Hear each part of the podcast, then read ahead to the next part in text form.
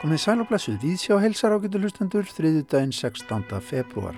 Geimur og myndlist, Jóðum Kutsi, list og nýlendur og sölumadur deyr í við sjá í dag. Í Víðsjá í dag ætlum við meðal annars að ræða við Kristínu Jóhannesdóttur leikstjóra um leikritið Sölumadur Deyr eftir bandaríska leikskaldið Artur Miller. En verkið verður frumsyngt í borgarleikúsinu um helgina. Þetta er auðvitað eitt þekktasta leikritið 20. aldar. Frumsyngt árið 1949 og já, fyrir löngu orðið klassíst. Og stæstu söfni í Evrópu vinna nú að því að gera upp blóði drifna nýlendufortíð. Nýlega tilkjenti hollandska ríkistjórnin að öllum stolnum listmunum frá nýlendutímanum verði skilað aftur til síns heima. En kongólski aktivistinn Mavasalo Diabansa lætur verkinn tala og mótmælir nýlendustöfnu með því að stela greipunum aftur til baka. Halla Harðardóttir fjallar í viðsjá í dag um uppgjörsafna við nýlendutíman. Gauti Kristmánsson, bókmyndagaggrinandi viðsjár, hann fjallar í dag um skáldsöguna Beðið eftir barburunum eftir um, söðurafriska réttöfundin Jóðam Kötsi en bókin kom út á síðasta ári hjá Unu útgáfuhúsi í íslenskri þýðingu Sigurlínu Davíðsdóttur og Rúnars Helga Vignissonar. Eitt af merkari verkum þessa mikla höfundar. En við byrjum á því að heimsækja listasafn Íslands og skoða þar síninguna Hall og Geimur í fyllt síningastjórana sem eru tveir Guðrún Jóna Halldórsdóttir og Ragnhildur Vignistóttir. Það er að skoðað hvernig íslenskir myndlistamenn hafa fært geimin inn í myndlist sína í gegnum tíðina, heimintunglin, vetrarbrautir og svo framvegs. Sýningastjórnarnir eru tveir, það er Guðrún Jóna Halldórsdóttir og Ragnhildur Vignistóttir og Ragnhildur byrjaði á því að segja okkur aðeins frá tilur síningarinnar. Já, það var þannig að fyrir áramót að þá kemur Harpa Þórsdóttir, sapstjóri til okkar Guðrunar og, og spyr okkur hvort að við séum til að taka að okkur þetta verkefni að, að vera hérna með síningu í tveimur sölum sapsins og það sem er sérstatt við þessa beini er að við Guðrun komum báðar úr fræðsludelt sapsins og þaðan er svona okkar, okkar grunnur. Og við tökum þetta verkefna okkur og síningin er svona sett upp með það í huga að hún sé aðgengileg fyrir fjölskyldur og börn og þetta þema kom nú svona frekar fljótt upp hjá okkur. Við höfðum alveg frjálsar hendur svona nokkur veginn til þess að velja okkur þema og við vissum af nokkrum listaverkum eftir Finn Jónsson og fleiri sem að tengdust heimingeimnum þannig að það svona fljótlega var þetta þema til geimurinn. Og heiti síningarinnar er sagt, vísun í málverk eftir Finn Jónsson sem heitir Halló geimur sem við sjáum hérna á á síningunni. Stöndum hérna við það og, og hér undir er, er, er drengur sem stendur á höndum. Hver er þetta? Já, þetta er hann Tumi. Hann Tumi er sem sagt leiður okkur í gegnum síninguna og er að segja okkur svona vísindarlega staðrindir. Uh, vísindarlega staðrindirnar koma frá honum Sævari Helga og já, hann sem sagt samtið þetta fyrir okkur. Og Tumi ásast í samtali við verkin og tengir vísindi við listina, má segja, og leiðir gesti í gegn um síninguna. Og Tum er ekki úr lausilofti grip? Nei. Ah, hvaðan kemur hann þessi? Já, hann er sagt, karakter úr bók, barnabók eftir áskerði búadóttur sem heitir Rauði hatturinn og krummi og kom út ára 1961 og ástæðan fyrir því að við notum Tuma, þennan litla, litla dreng sem að gengur með okkur, er svo að fyrir tveimur árum að þá fengum við leifi hjá ættingum og erfingjum áskerðabúadóttur til þess að nota uh, Tuma og myndirnar úr bókinni sem logo og merki krakkaklúpsins okkar sem við vorum að stopna 2018. Þannig að hann hefur fyllt badnastarfinu síðustu 2-3 ár hjá okkur. En núna er þessari síningu við að ganga lengra þannig að hann er komin í nýtt hlutverk hérna á, á síningunni, komin út úr, út úr bókinni. Hann er svona leðsögumæður. Hvert vil hann fara með okkur næst?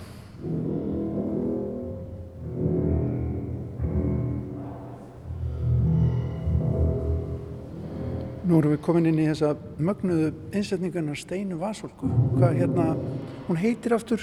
Hún heitir Off the North, eða af norðrinu. Já. Og hér sjáum við fimm netti sem að snúast hérna inn í, í rýminu og speglast niður á háglansandi svartan dúk þannig að það er svolítið eins og við séum að ganga inn í heimingeimin en ef maður síðan rínir í þessa netti að þá sér maður vídeoupptökur frá steinu uh, af náttúru landsins. Og við sjáum hérna mosa, við sjáum hraun, steina, reik, eld. Þannig að þetta er alveg sko, magnast síðan upp með, með hljóðinu og, og reyfingunum Þetta er aldrei göldrótt. Þetta er svolítið göldrótt. Og það var steina sjálf sem kom hérna inn í rýmið uh, þegar þetta verk var sínt í safninu 2007 uh, og hún sá uh, hvernig salurinn var uppbyggður og benti á bógana að við ættum að varpa þessu hérna í bógana þannig að það er raunin eins og verkið sé hannað inn í þennan sal þótt að sé það ekki beint. Þannig að þetta er, er alveg ótrúlega hughrif sem að vakna þegar maður gengur inn í, inn í þennan sal. Ég man eftir því að koma hérna á sín tíma þegar þetta var sínt og einmitt þetta er svona þetta er hansið dálæðandi og hérna mikil upplifun. Og hlýtur að vera vinsalt hjá gestum Mjög vinsalt hjá gestum bæði ungum sem höldum á að segja þannig að við hvetjum bara alltaf til að koma og, og, og sjá þetta magnaða verk. Og fólk er að setjast á gólfið eða leggjast á gólfið og, og eigðir bara löngum tíma hérna inni. Það er gott að gleyma sér bara í norðurinnu. Já, nákvæmlega, einmitt. Það eru nokkur þemu innan síningarinnar og eitt svona gaman að byrja hérna hjá þessu stóra verki hérna eftir Jóhann Eiffels sem heitir Ringlaga Málmkend og þetta verka það er svona eins og gameskip sem kemur hérna svífandi inn í salin og, og lendir hérna á miðjugólfinu. Og það er ólíkt öllu öðru uh, sem við sjáum hérna í salnum. Það sem er svo skemmtilegt við þetta verk er það að Jóhann Eiffels hann átti landaregn á Flórida þar sem hann vann mikið verkin sín. Og hér þetta verk er unni þannig að hann grefur hólur í jörðina og hellir síðan bráðnum málmi í jörðina og með tímanum að þá mótar jörðin plánetan okkar listaverkin og það finnst okkur alveg magna. Þess vegna ákvæðum við að setja þetta verk hérna alveg á mitt gólfið þannig að það er raunni jörðin sem að býr til þetta, þetta listaverk. Hér er önnur innsetning á síningunni. Hérna, veit ekki hvort að hljóðið á upptökunni fari allt í köku en hérna, við látum á að reyna. Hvaða verk er þetta? Já, hér höfum við Norðurljósa barinn eftir Haldur Áskjesson. Þetta er verk frá árunnu 2001 sem er hérna í, í Sapneik Listasaps Íslands og hér sjáum við, hvernig ég að lýsa þessu, bar sem að ringsnýst hérna inn í lokuðu rými og á þessum, þessu ringsnúandi borði eru ílát, flöskur og könnur og alls konar krukkur og, og ílát sem að hafa að geima uh, vögva í alls konar lit og þessi vögvar eru síðan upplýstir og varpa hérna litum á veggina sem að minna okkur á norðurljósi. Þannig að maður segja að við göngum hérna inn í, inn í ákveðin heim, haldors og, og horfum á norðurljósin hérna á vegnu. En sumir geta nú ekki verið lengi hérna inni að því að manni sundlar svo litið þegar maður fer inn í, inn í rýmið. En það er kannski líka svona tenging við svona, þegar maður er búin að drekka of marga koktela og fer svona þess að, hérna, sundla. Þannig að það er norðurljósa barinn sem hefur þessi áhrif á okkur.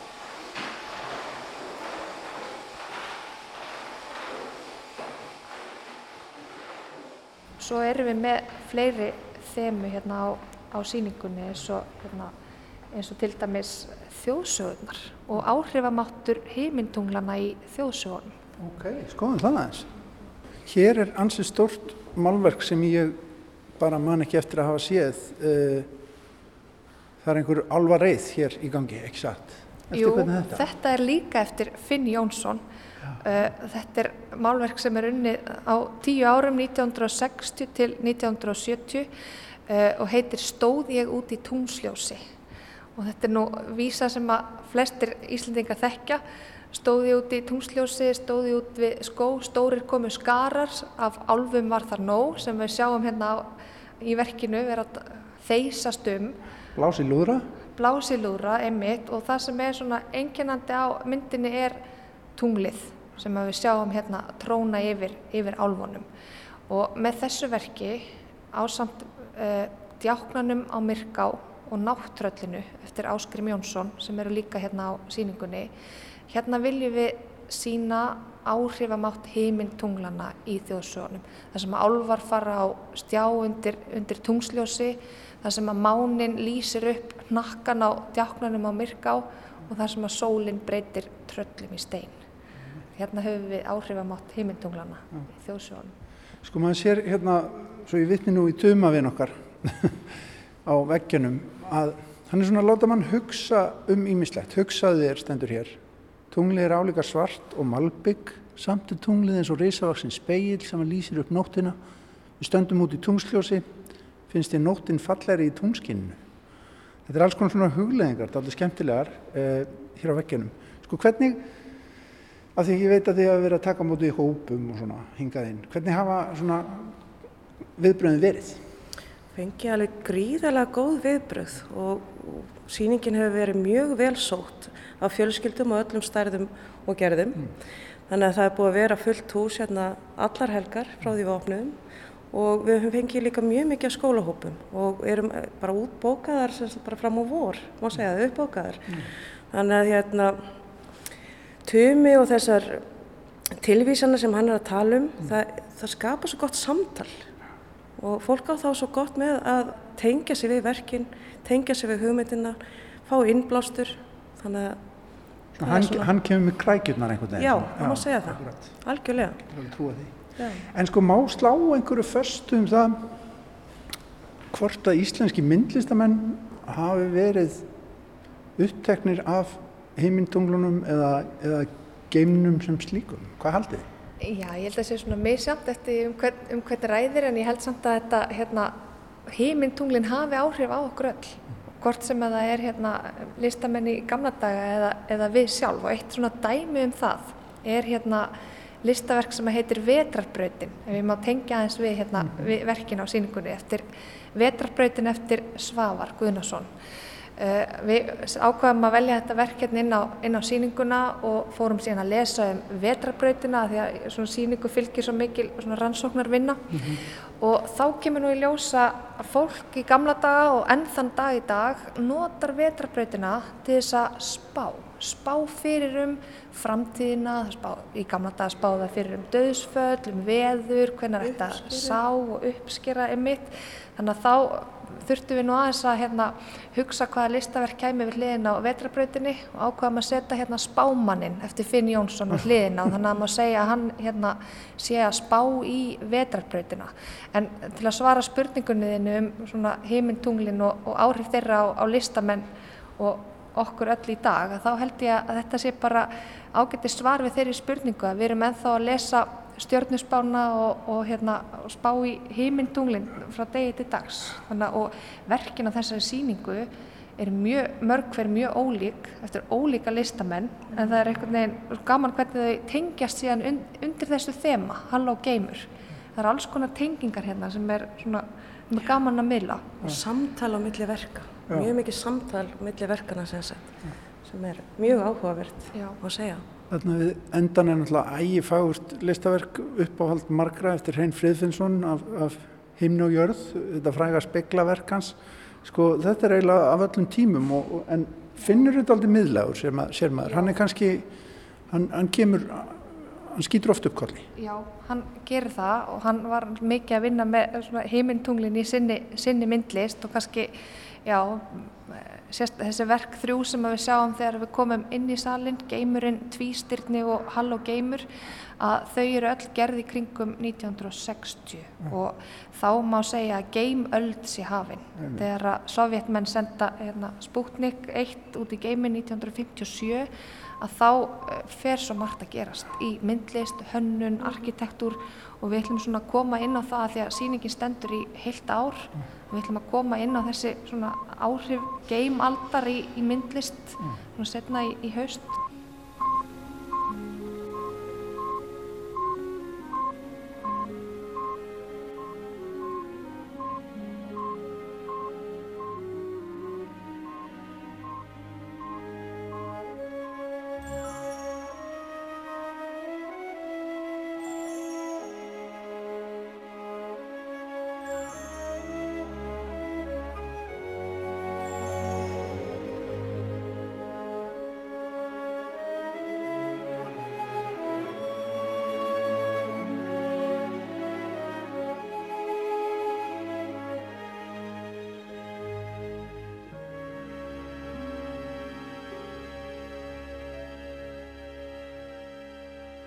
Nokkri tónar úr einhverju best hefnuðu kvikmyndatónlist allra tíma. Þetta er stefið Binary Sunset, veitanlega úr Star Wars kvikmyndunum, tónlist eftir John Williams. Um að gera að benda fjölskyldum á að fara að skoða síninguna Halló Gamer í listasafni Íslands. Það er Guðrún Jóna Haldurstóttir og Ragnhildur Vignistóttir sögðu okkur frá. En þá að bókmyndum á síðasta ári kom út í íslenskri þýðingu eitt þekktasta verk Suðurafriska Nobelsveluna höfundarins Jóðum Kötsi. Beðið eftir barburunum þýðinguna gerðu þau Sigurlína Davidsdóttir og Rúnar Helgi Vignisson en bókin kom út hjá Unu útgáfuhúsi. Bókin kom fyrst út árið 1980 og getur taliðst eitt af merkustu verkum þessa mikla höfundar. Gauti Krismansson hann er búinn að lesa og skulum gefa honum orðið. Skáldsaga sem vekur mann til umhugsunar þarf ekki að vera vel hefnuð eða ánægileg afleistrar. En sé hún það einnig heldur hún eftirtektinni á fleiri vikstöðum ef svo mættið orðið komast. Það má við sanni segja um þessa færtugu skáldsögu eftir Nobels höfundin Jóðem Kutsi en hún kom einmitt út þegar hann var um færtugt. Ekki að það skipti neinu máli í okkar íslenska samhengi nema kannski á þann hátt sem meðalans er haldið fram á kápu að hún sé tímalöst meistraverk og er hún það í tennum skilningi. Í fyrsta lagi skiptir aldur hennar engum máli. Hún er jafn nýstarlega og fersk hverjum nýjum lesenda nú 40 árum síðar og hún var ný útkomin. Hún er einnig tímalös í frásögninni. Við fáum engar beinar upplýsingar um á hvaða tíma sögutímin er. Raunar heldur ekki sögu sviðið eða um hvaða heimsveldi er að ræða sem fjallaður um í henni. Sagan segir í fyrstu persónu nútíðar frá dómaran okkurum í smábæ á jæðri heimsveldisins umræta. Þar sem stjórnvöld í fjarlægri höfuborg hafa ákveðið og oknað sé af utanaðkomandi barburum, frumbyggjum svæði sem heimsveldið hefur lagt undir sig. Lausnin er að senda herlið og herja á barbarana svokalluðu. Dómarin er makraður Karl sem komin er af léttasta skeiði í orðsins fylstu merkingu og framfyllt hefur lögum í þessum bæ í þrjá áratýi þegar sagan hefst. Hann verist vera blanda af einhvers konar dómara og lögreglu, kannski svo síslumenn voru hér á árum áður. Hann hefur það gott í sögubyrjun, nógu að býta og brenna, hann verist vera höfðingi bæjarins og það sem hann er einhleipur leitar hann á næðir vendiskvenna til að sinna sínum líkamlegu þörfum. Hann hefur ætti verið meðvirkur með skipan hlutana en hugsanlega tólkað lagabókstafinn sveianlega og ekki verið neitt harstjóri. Ástandið breytist hins vegar með komu hersins og hann lendur upp á kant við sitt eigið heimsveldi þegar farið er að taka barbara til fanga og pinta. Þar á meðal eina barnunga konu sem mistrind er í varðhaldi. Skemst er frá því að segja að samband hans við þessa konu veldur ströymkvarfum í lífi dómarans sem tekur að veita fullrúm heimsveldisins viðnám. Hann gengur meira að segja svo langt að hann kemur henn á endanum til síns heima. Samband þeirra er þó ekki markað á göfum tilneyingum hans engöngu, en sérkynlegt að mörgu leiti. Hún breytir viðhorfum hans samt endanlega og hann rekkur úr sínu makráða gýr með skjálfilegum afleiðingum fyrir hans sjálfan. Svona sögu eftir höfund frá Suður Afríku þegar aðskilnaðastefnan var í algleimingi er auðvelt að lesa sem táksögu. En eins og Einar Kári Jóhansson nefnir í fróðlegum eftirmála er líka margt sem er ólíkt og greinlegt að höfundurinn er að fjalla um algild fyrirbæri í sambíli manna.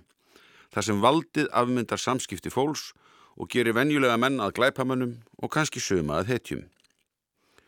Sögumadurinn er vissulega engin hetja. Hann er dálítið klassískur meðalmaður sem lendir í því sem gerist á þess að hafa beininlýs áhrif þar á. En hann rýs upp með einhverjum hætti og reynir að hafna hörmungum sem valdið veldur í hans litla samfélagi. Samfélagi sem vissulega er hreint feðraveldi samfélagi upphafi en í einhvers konar jafnvægi. En þegar óttin við Barbara og Herlið bætast við, verður eftirleikurinn ljótur og er glæsilega sagt frá því í spennandi sögu. Þrátt fyrir alla sína galla finnum að til hluttekningar eða samlíðunar með dómaranum. Hann er viðkunnulega personað mörgu leiti og verður að lokum píslar á hætti einhvers sem hann skinnjar kannski sem réttlæti. Það er gríðarlega margt sem hugurinn tekur með sér til umhugsunar við lesturinn, um breyskleika okkar mannfólksins, ekki síst óttu okkar við þið framandi. Það sem kallað er barbarist af fólkin í sögunni. En orði barbari þýttu uppháflega hjá ford gríkjum, fólk sem ekki talar grísku. Augljóst verður með tímanum hverju hinnu raunverulegu barbarar eru. Það eru nákvæmlega þeir sem tala um barbarana, óvinni sína. Og barbara háttur þeirra snýra lokum ekki einungis að hennum óþægtu óvinnum. Atrið í sögunni þar sem herliði kemur nokkra fanga í bæin er hrollveikjandi og það síni hvernig það reynir að gera bæjarbúa meðseka. Emmitt á því augnablíkin er dómarinn að sína einhvern kjarnamennskunar sem hann geldur samt fyrir. Þýðing þessarar merku bókar á sér nokkra sögu. Hún var fyrst lesin í útvarp í þýðingu Sigurlínu Davísdóttir 1984 og kemur nú út endur skoða rúnari Helga Vignesinni og eru þau bæði skrifið fyrir þýðingunni. Hún er af að vönduð og læsileg eins og við mátti búast og ég hnaut vart um nokkuð hlut. Utan kannski eitt lítið atriði sem sínir í hnótskurn í hvaða klemmu þýðendur geta lendi þegar tvíræðinni tungumálsins þvingar þá til að velja eina merkingu fram yfir aðra. Á einu stað segir sögumæðurinn þetta, tilvitnur haust. Ég er eins og vanhæfur kennari sem leitar fyrir sér með fæðingatöng í stað þess að fylla hann af sannleika, tilvitnur líkur. Þetta er hann að tala við konuna ungu sem hefur svo mikil áhrif á hann, en mér fannst þetta enkennilega til orða tekið, þótt vissulega með ég skilja það sem svo að hann hafi verið að beita raungu verkværi við kjensluna. Ég skoðaði frumtekstan og það er vissulega talað um myotic forceps sem er ekkert annað en fæðingatangir og það er áraðanlega grunnmerkingin sem höfundurinn er að nota. En fyrir orðið líka stundum notaði öðru samengi og þá um þá aðferð Sókratesar að kenna með spurningum og svörum, kallað á ennskum að Utic Method. Þýðendur völdu fyrir merkinguna og láði þeim hver sem vil. Orðin merkja nákvæmlega þetta. En um leiður er merkinga tengst við þessa sókratísku aðferða mínum dómi. Ekki sísta sem dómarinn er að beita henni í samtali sínu við stúlkuna á undan en þetta var bara skemmtilegt augnablík fyrir þýðinganördin. Eftir stendur að við höfum fengið eitt af stórvirkjum heimsbókmyndana á íslensku í þýðingu sem á sinnhátt er eins tímalös og frumtekstin. Hún nær hennu makraða tóni sögumanns algjörlega og gerir hann að eftirminnilegri personu. Einnig þegar Halla tekur undan fætti og annar maður kemur í ljós, þá er það fyllilega trúverðut. Pyntingarnar á kvalitan sem sögumadurinn líður eru framsettar frekar blátt áfram og verða í raun áhrifa meiri fyrir vikið. Þarna hefur vel tekist til því það er snúið að lýsa sársöka á emd þannig að hún skinnjist raunverulega utanfrá. En best er að þýðingin sem útaslustendur fengi að njóta árið 1984 skuli vera komin út á prent í endurbættri útgáfu þessum áratugum síðar. Hún sínir hversu óbrotgjarnar góðar bókmentir eru. Já, þetta sagði Gauti Krismarsson um skáldsöguna beðið eftir barbarunum eftir suðurafriska réttuvundin Jóðem Katsi. Bók sem kom út í íslenskri þýðingu á síðasta ári. Þýðinguna gerðu þau Sigurlína Davíðsdóttir og Rúnar Helgi Vignísson. Ríflega 40 ára gamalt tímalust meistaraverk. En stærstu söpn Evrópu vinna nú að því að gera upp blóði drifna nýlandu fortíð. Nýlega tilkendi hollenska ríkistjórnin að öllum stolnum listmunum frá nýlandutímanum verði skilað aftur til síns heima. Kongólski aktivistinn Mavasalu Diabansa lætur verkinn tala og mótmælir nýlandustöfnum með því að stela grepunum aftur tilbaka. Halla Harðardóttir hugar að uppgjöri sapna við nýlandutíman. Nýlega tilkynnti hollandska ríkistjórnin að öllum stólnum listmunum frá nýlendu tímanum verði skilað aftur til síns heima. Þetta er í fyrsta sinn sem að fyrrum nýlendu herrar taka jafn skýra afstöð til umræðunar um endurheimt menningarminja til fyrrum nýlenduríkja. Hollandska stjórnin hegst fylgja lofverðinu eftir í samvinnu við helstu sérfræðinga sína á sviði sapnamála. Jos van Borden, eitt sérfræðingana, segir yfirlýsinguna marka tímamót og vera mikilvægt uppgjör við fortíðina. Í skjálinu sem að fylgir yfirlýsingu stjórnvalda segir meðal annars að nú verði í fyrsta sinn opinberlega viðurkjent að nýlendu þjóðir hafi verið beittar miklu óréttlæti þegar herraþjóðunar náma á brott menningavermæti gegn þeirra vilja. Vegna þess valda ójapvægis sem að ríkti á nýlendu tímanum hafi menningarvermæti mjög oft verið tekin ófrjálsri hendi þeim hafi einfallega verið stólið. Hlutverk nefndarinnar sem að hollandska stjórnin hefur skipað verður að fara yfir allar umsóknir um endurheimt minja sem berast frá fyrrum nýlandum og meta hvort tilteknum listmunum hafi verið stólið eða ekki. Ef svo reynist vera verður tilteknum grip skilað tafarlust. En nýju reglurnar ná ekki einungist til þeirra muna sem að vitað er að þeirri stólnir heldur hyggjast hollendingar skila öllu til síns heima, sé þess á annaborð óskað. Þau ríki sem að óska eftir að fá menningarminjar sínar tilbaka þurfa þar að ekki ekki að sína fram á tilbúið síningarými undir greipina en það hafa hingað til verið einn helstu rökin gegn endurheimt minja. Það að greipirnir verði ekki öryggir í sínu upprunalega umhverfi. Menningamálur á þeirra Hollands, Ingrid van Engelshofen, hefur sagt að þrátt fyrir að nýlendutímin sé liðin, þá sé hann enn til staðar í huga margra. Þess vegna þurfa nálgast minjarnar á mjög nærgætin hátt. Ekkert plás sé í söpnum Hollands fyrir stólna muni. Vilji fyrrum nýlendur fá menningarminjar sínar aftur, þá verði þeim skilað.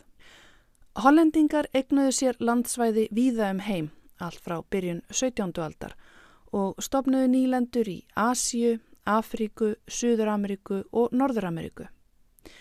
Ljóst er að þetta er mikið magn listmuna sem finna má í mörgum söpnum. Eitt stæsta sapn Hollands, The Dutch National Museum of World Cultures, eða hollenska heimsminjasafnið er eitt af fyrstu evrópsku söfnunum til að setja sér vinnureglur um endurheimt menningar minja. Árið 2019 setti safnið af stað 4,5 miljóna evra rannsóknarverkefni tengt safnegninni en um 40% allrar safnegnarinnar kemur frá fyrrum nýlendum, alls um 450.000 listmunir. Holland er vitanlega ekki eina Evrópalandi sem að þarf að horfast í augu við blóði drifna fortíð þar sem að nýlendustefnan gerði arðrán og stuld á menningarminnjum að eðlilegu aðtæfi. Macron, Fraklandsforsiti, hefur tekið harða afstöðu með endurheimt minja.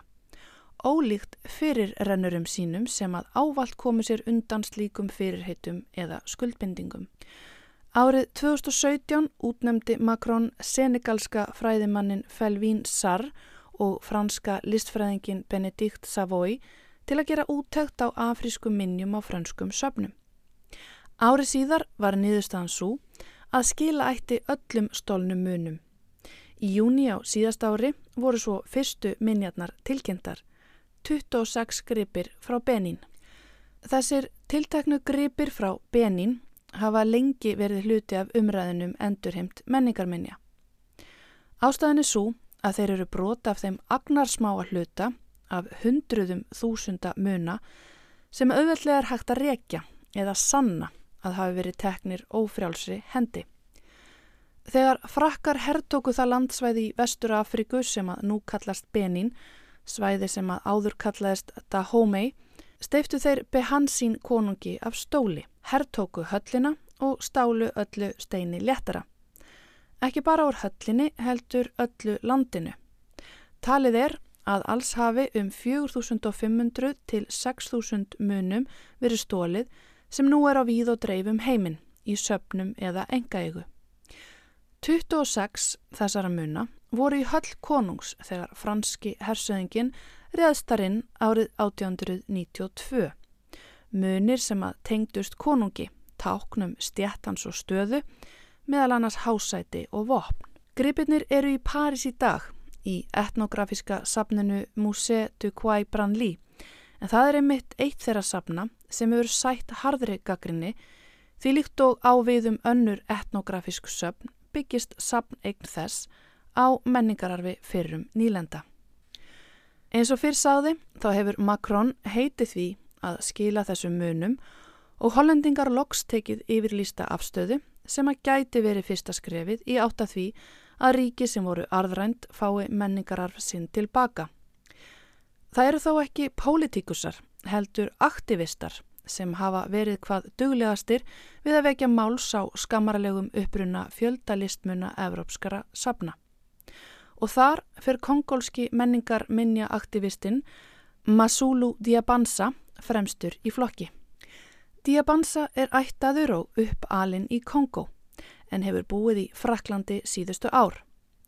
Hann fer fyrir hópi aktivista sem að kalla sig Yanga Nku en yfirlí stefna þeirra er að endurheimta öll menningarvermætti sem að nýlendu þjóðir stálu af ríkjum Afriku. Diabansa gaggrinir fyrirætlanir Macron sem að skila mununum 26 frá Benín harlega þar sem að þetta sé einungis um lítið brot af þeim þúsundu minja sem að frakkar stálu. Að hans mati eru það ekki frakkar sem eiga að ákveða hverju sé skilað og hvenar, heldur þjóðirnar sem að eiga munina. Diabansa hefur verið kallaður hrói höttur menningararfsins því að hann stundar það að fara á helstu söfn Fraklands og ganga þaðan út með afríska listmunni.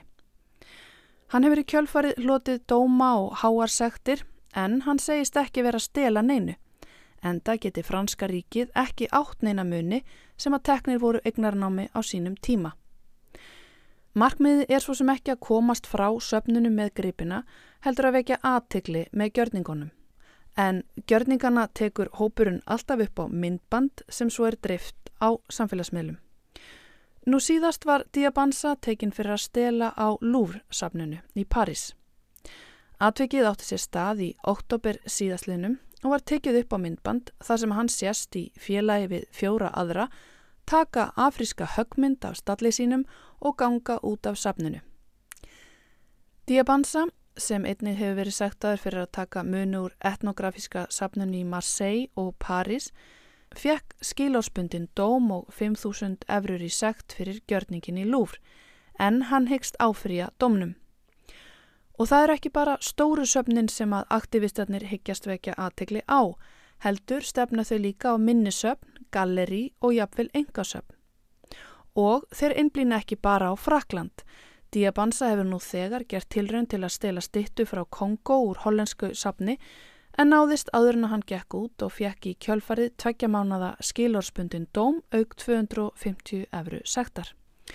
Nokkuð vægir dómar hinga til og líkt og Diabansa bendur á í nýlegu samtali við Guardian gefur það til kynna að dómaratnir taki til greina að ekki séum eiginlegan þjófnaða ræða heldur pólitísk mótmæli. Og hvorki sektir nýja dómar eiga eftir að stöðva hópin sem segist stefna ótrauður á Spán, Þískaland, Portugal, Vatikanið og Breitland. Enda sé þar um auðugan Garða Gresja þegar komið að tákrænum ránsfengum. Hann segir söfnin aðeins vera þeirra fyrsta skotmark því listmunur séu ekki það eina sem að nýlendu herrar hafi stólið frá kúguðum þjóðum um allan heim. Heldur einnig landið sjálft með öllum sínum auði, málmum, gulli, eðalsteinum og lífiríki. Það er því ekki lítið verk framundan hjá Diabansa sem verðist kvorki hræðast háarsektir nýja frelsissviftingu. Enda varpa gjörningar hans ekki aðeins ljósi á blóðidryfna söguna sem helstu menningarstofnanir Evrópu hýsa og rukka fyrir það aðgangseri, heldur varpa þeir einnig ljósi á viðbröð kervis sem kannski ber enn leifar nýlendustöfnunar.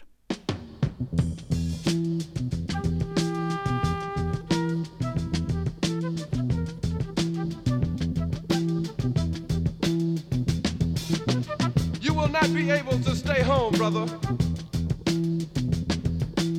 You will not be able to plug in, turn on, and cop out. You will not be able to lose yourself on Skag and skip out for beer during commercials because the revolution will not be televised. The revolution will not be televised. The revolution will not be brought to you by Xerox in four parts without commercial interruptions. Já, Gil Scott Heron, bandaríska skáldið og tónlistarmadurinn um byltinguna sem ekki verður sjónvarpað sem á kannski ekki við í tilfelli Vasulu Diabansa sem setur öll sín rán á samfélagsmiðla til að vekja aðtikli á byltingunni þar Halla Hardadóttir sem sagði frá. En þá ágetur hlustendur vikur sögunni að ansi merku verki hér í viðsjá á þriðu deg. Við förum að gefnu tilefni í leikús. Death of a Salesman is a play about what? Hmm. Well, they asked me that when I was writing it, and I said it's about a salesman and he dies. Uh, it's hard to encapsulate that that play. It's about uh, the United States. It's about a man. It's about an economic situation. About a family. Uh, it's about a life. And uh, to try to uh, boil it down to a sentence is beyond me.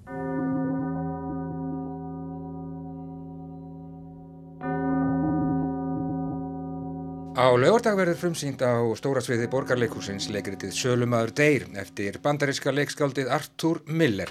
Þetta er eitt þekktasta leikverk 20. aldar frumsýnd í Philadelphia árið 1949 og fjallar um brosnar vonir drauma sem ekki rættust sjálfsblekkingu og lífslíi. Arthur Miller sló í gegn með þessu verki aðeins 34 ára gammal, hann hlaut Pulitzervelun fyrir verkið sem auðvitað hefur verið sett upp aftur og aftur og kvikmyndað. Það er Kristín Jóhannisdóttir sem að leikstýrir verkinu í borgarleikúsinu, hún hefur áður sett upp verk eftir Arthur Miller. Leikfélag Reykjavíkur síndi verk Millers frá árinu 1955, hort frá brúnni árið 1999 í leikstjórn Kristínar. Það er um, Jóhann Sigurðarsson sem fer með hlutverk Sölumannsins Vili Lóman. Sigrunetta Björstóttir leikur eiginkonu hans Lindu, nýja þýðingu. Á verkinu hefur Kristján Þórður Rapsson gert tónlist í síningunni eftir Gíðu Valtísdóttur. Við skulum fara á fund Kristínar Jóhannisdóttur.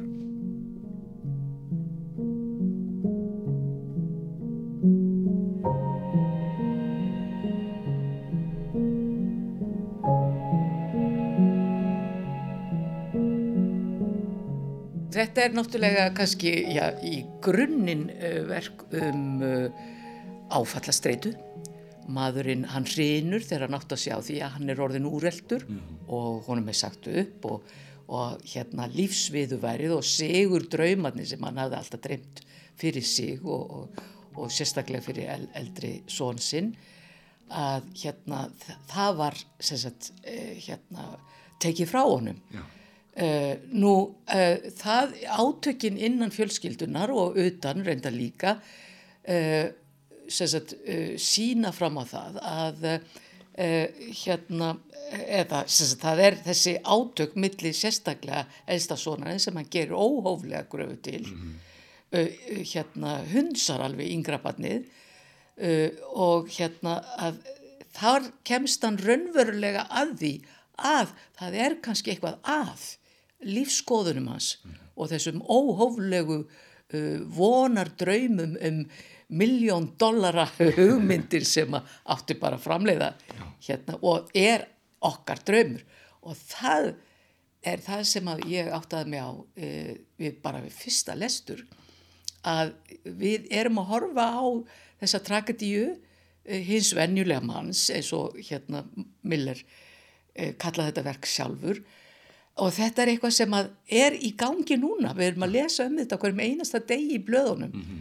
uh, við gerðum það líka reyndar sko uh, við, í hruninu og eftir hrun þá var það okkur ljóst að við höfum lifað í ótrúlegum blekkingar heimi uh, hérna einhverja markaðslögmála. Að markaðurinn myndi bara bjarg okkur, það væri sjálfu sér miljón dólar að hugmynd. Mm -hmm e, síðan bara missa menn fótana, missa allt sitt, e, eru ófærir um að skaffa, e, ófærir um að vera fyrirvinnur og hérna heimurinn hrínur. Þannig að Vili Lóman hann er, hann er enn á miðalbor. Uh, Vili Lóman er bara hér í öðru hverju húsi og nú er það bara hinn vennilegu maður, það er, er ekki einhverjar stórar fjármála hetjur eða konungar grísku harmleikjana heldur bara sagt, hérna, þessar uh, klassísku hugmyndir um, um, um meðalmann sem að dreymir það að sko hérna vinna í lotteríun mm. eða eitthvað eða fá einhverja brjálagslega flotta hugmynd. He kills himself because he realizes he's more valuable dead than alive or some other reason? He wants to give of himself. He wants to dedicate himself He wants to pour out his love for his son. And in his circumstances, he knows there's no way in this life to do that.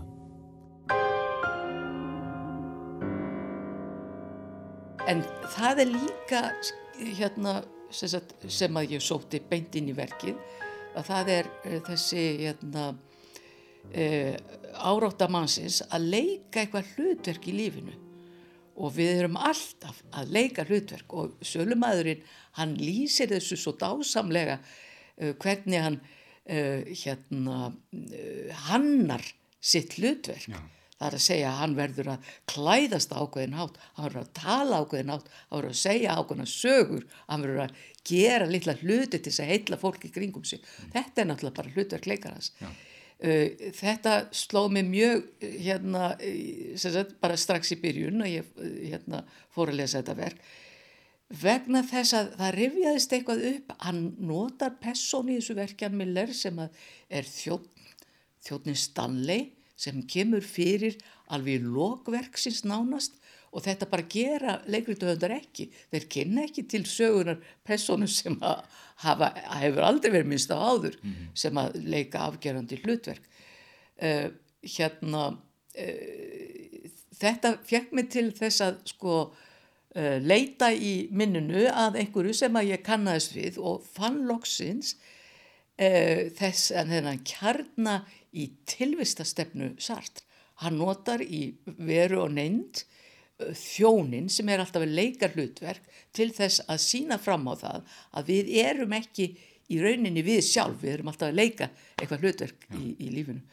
Að hérna, reyna að forðast það að vera frjálsar manneskjur og taka ákvarðanir hérna, sem við sjálf eða, hérna, og erum alltaf að, í rauninni svona forðast það að vera frjáls Já. í rauninni loka okkur inn í einhverju búri mm -hmm. til þess að þurfu ekki að taka þær ákvarðanir sem að verða til þess að geta endurskapa líf okkar á hverjum degi.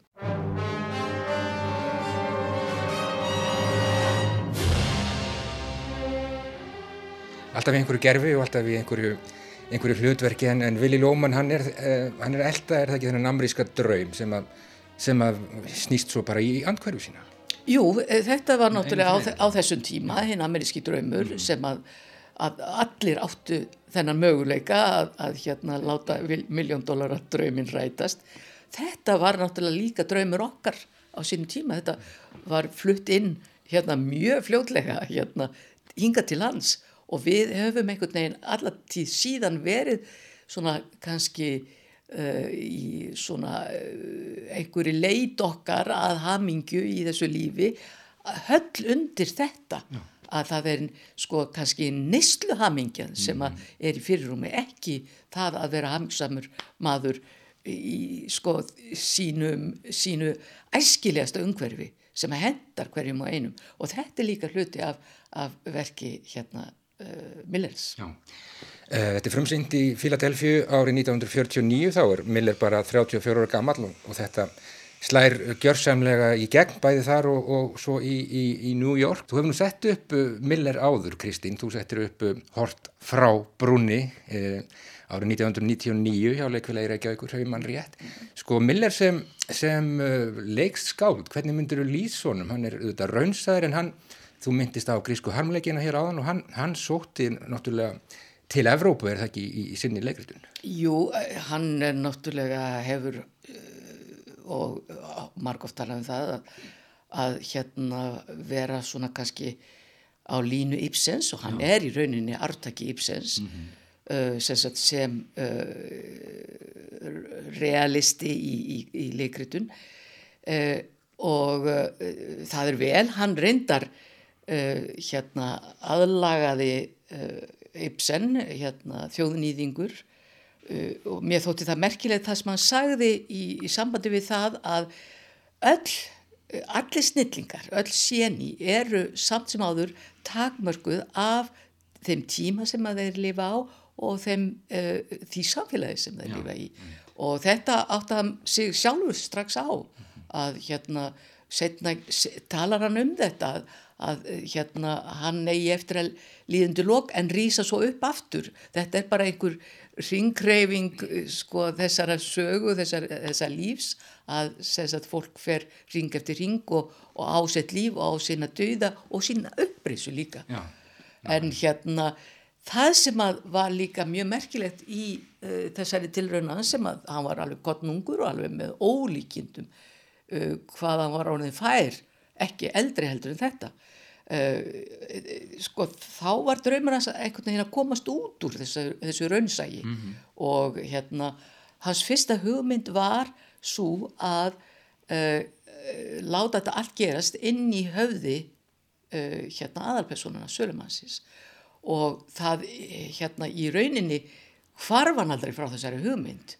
Og ég hérna bara tók eftir því uh, að hann hefur reyndar oft minnst á þetta mál uh, hérna uh, upp frá því að, að þarna eru mjög óskýr skil ef nokkur skil á milli, óra, drauma, vona, endurminninga og raunveruleikans mm -hmm. og þetta flæðir svona fram og tilbaka án þess að menn í rauninni getur sett einhver ákveðin skil þarna á milli Já. og þetta er í rauninni finnst mjög stærsta afreg Milles í þessu, þessu verki. Já. og hérna þetta átti náttúrulega fjall í mjög hérna góðan jarður hjá mér.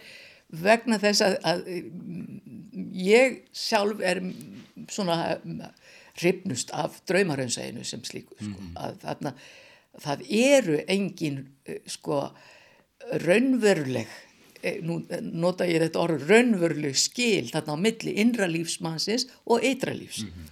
Uh, hann uh, gerði það nú reyndar að, að sko gaggrína þessa kvíkmynd sem var gerð, hérna Slöndorf gerði þessa útgáfu og uh, þar var sagt, takmarkun kannski hérna, kvíkmyndarinnar mm -hmm. kom berlega í ljós vegna þess að þar var alltaf klift á milli og það myndaði auðvitað klipp hérna, er ákveðin hérna, sögn um að eitthvað að gjör breytist en uh, sagt, hann var mjög ósattur við þessa mynd út af því. Já, þó að það var snildar leikarar sem voru þarna og, og ótrúlega góð hérna, miðlun á þessum heimi en þarna voru þessi mörg og það gætt Miller ekki sætt sér við.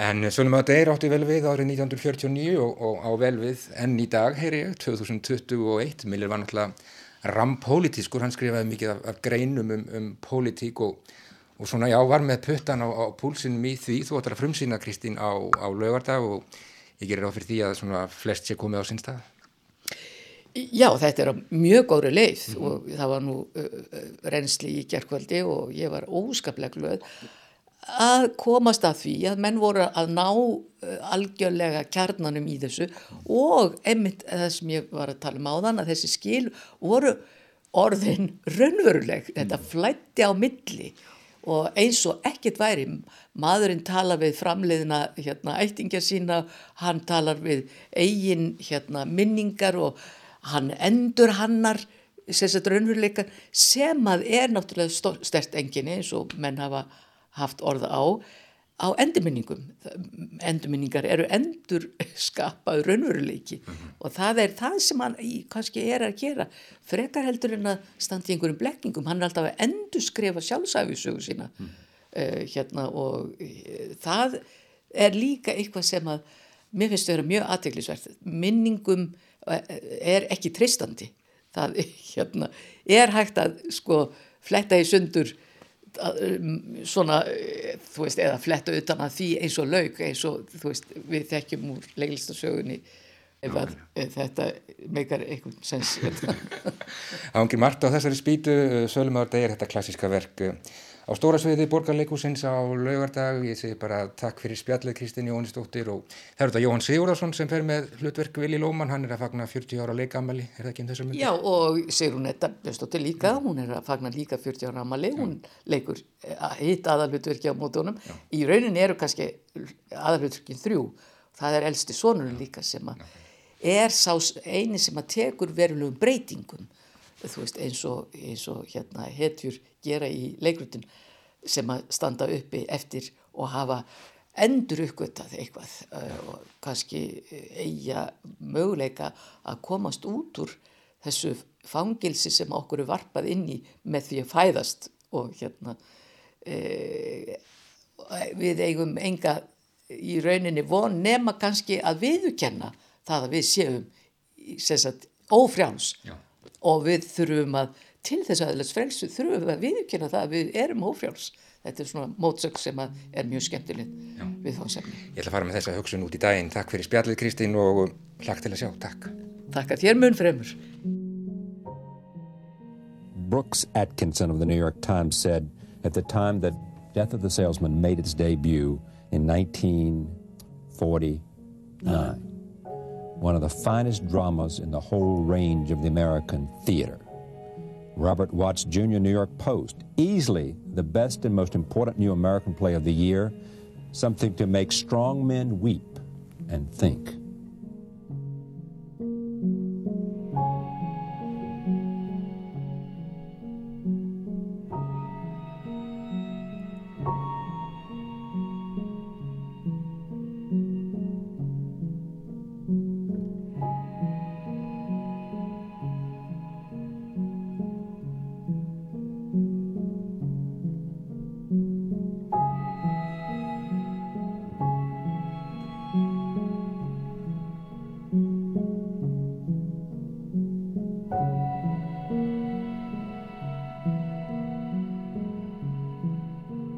Já, tónar úr síningunni Sölumadur Deir, tónlist eftir Geðu Valtísdóttur.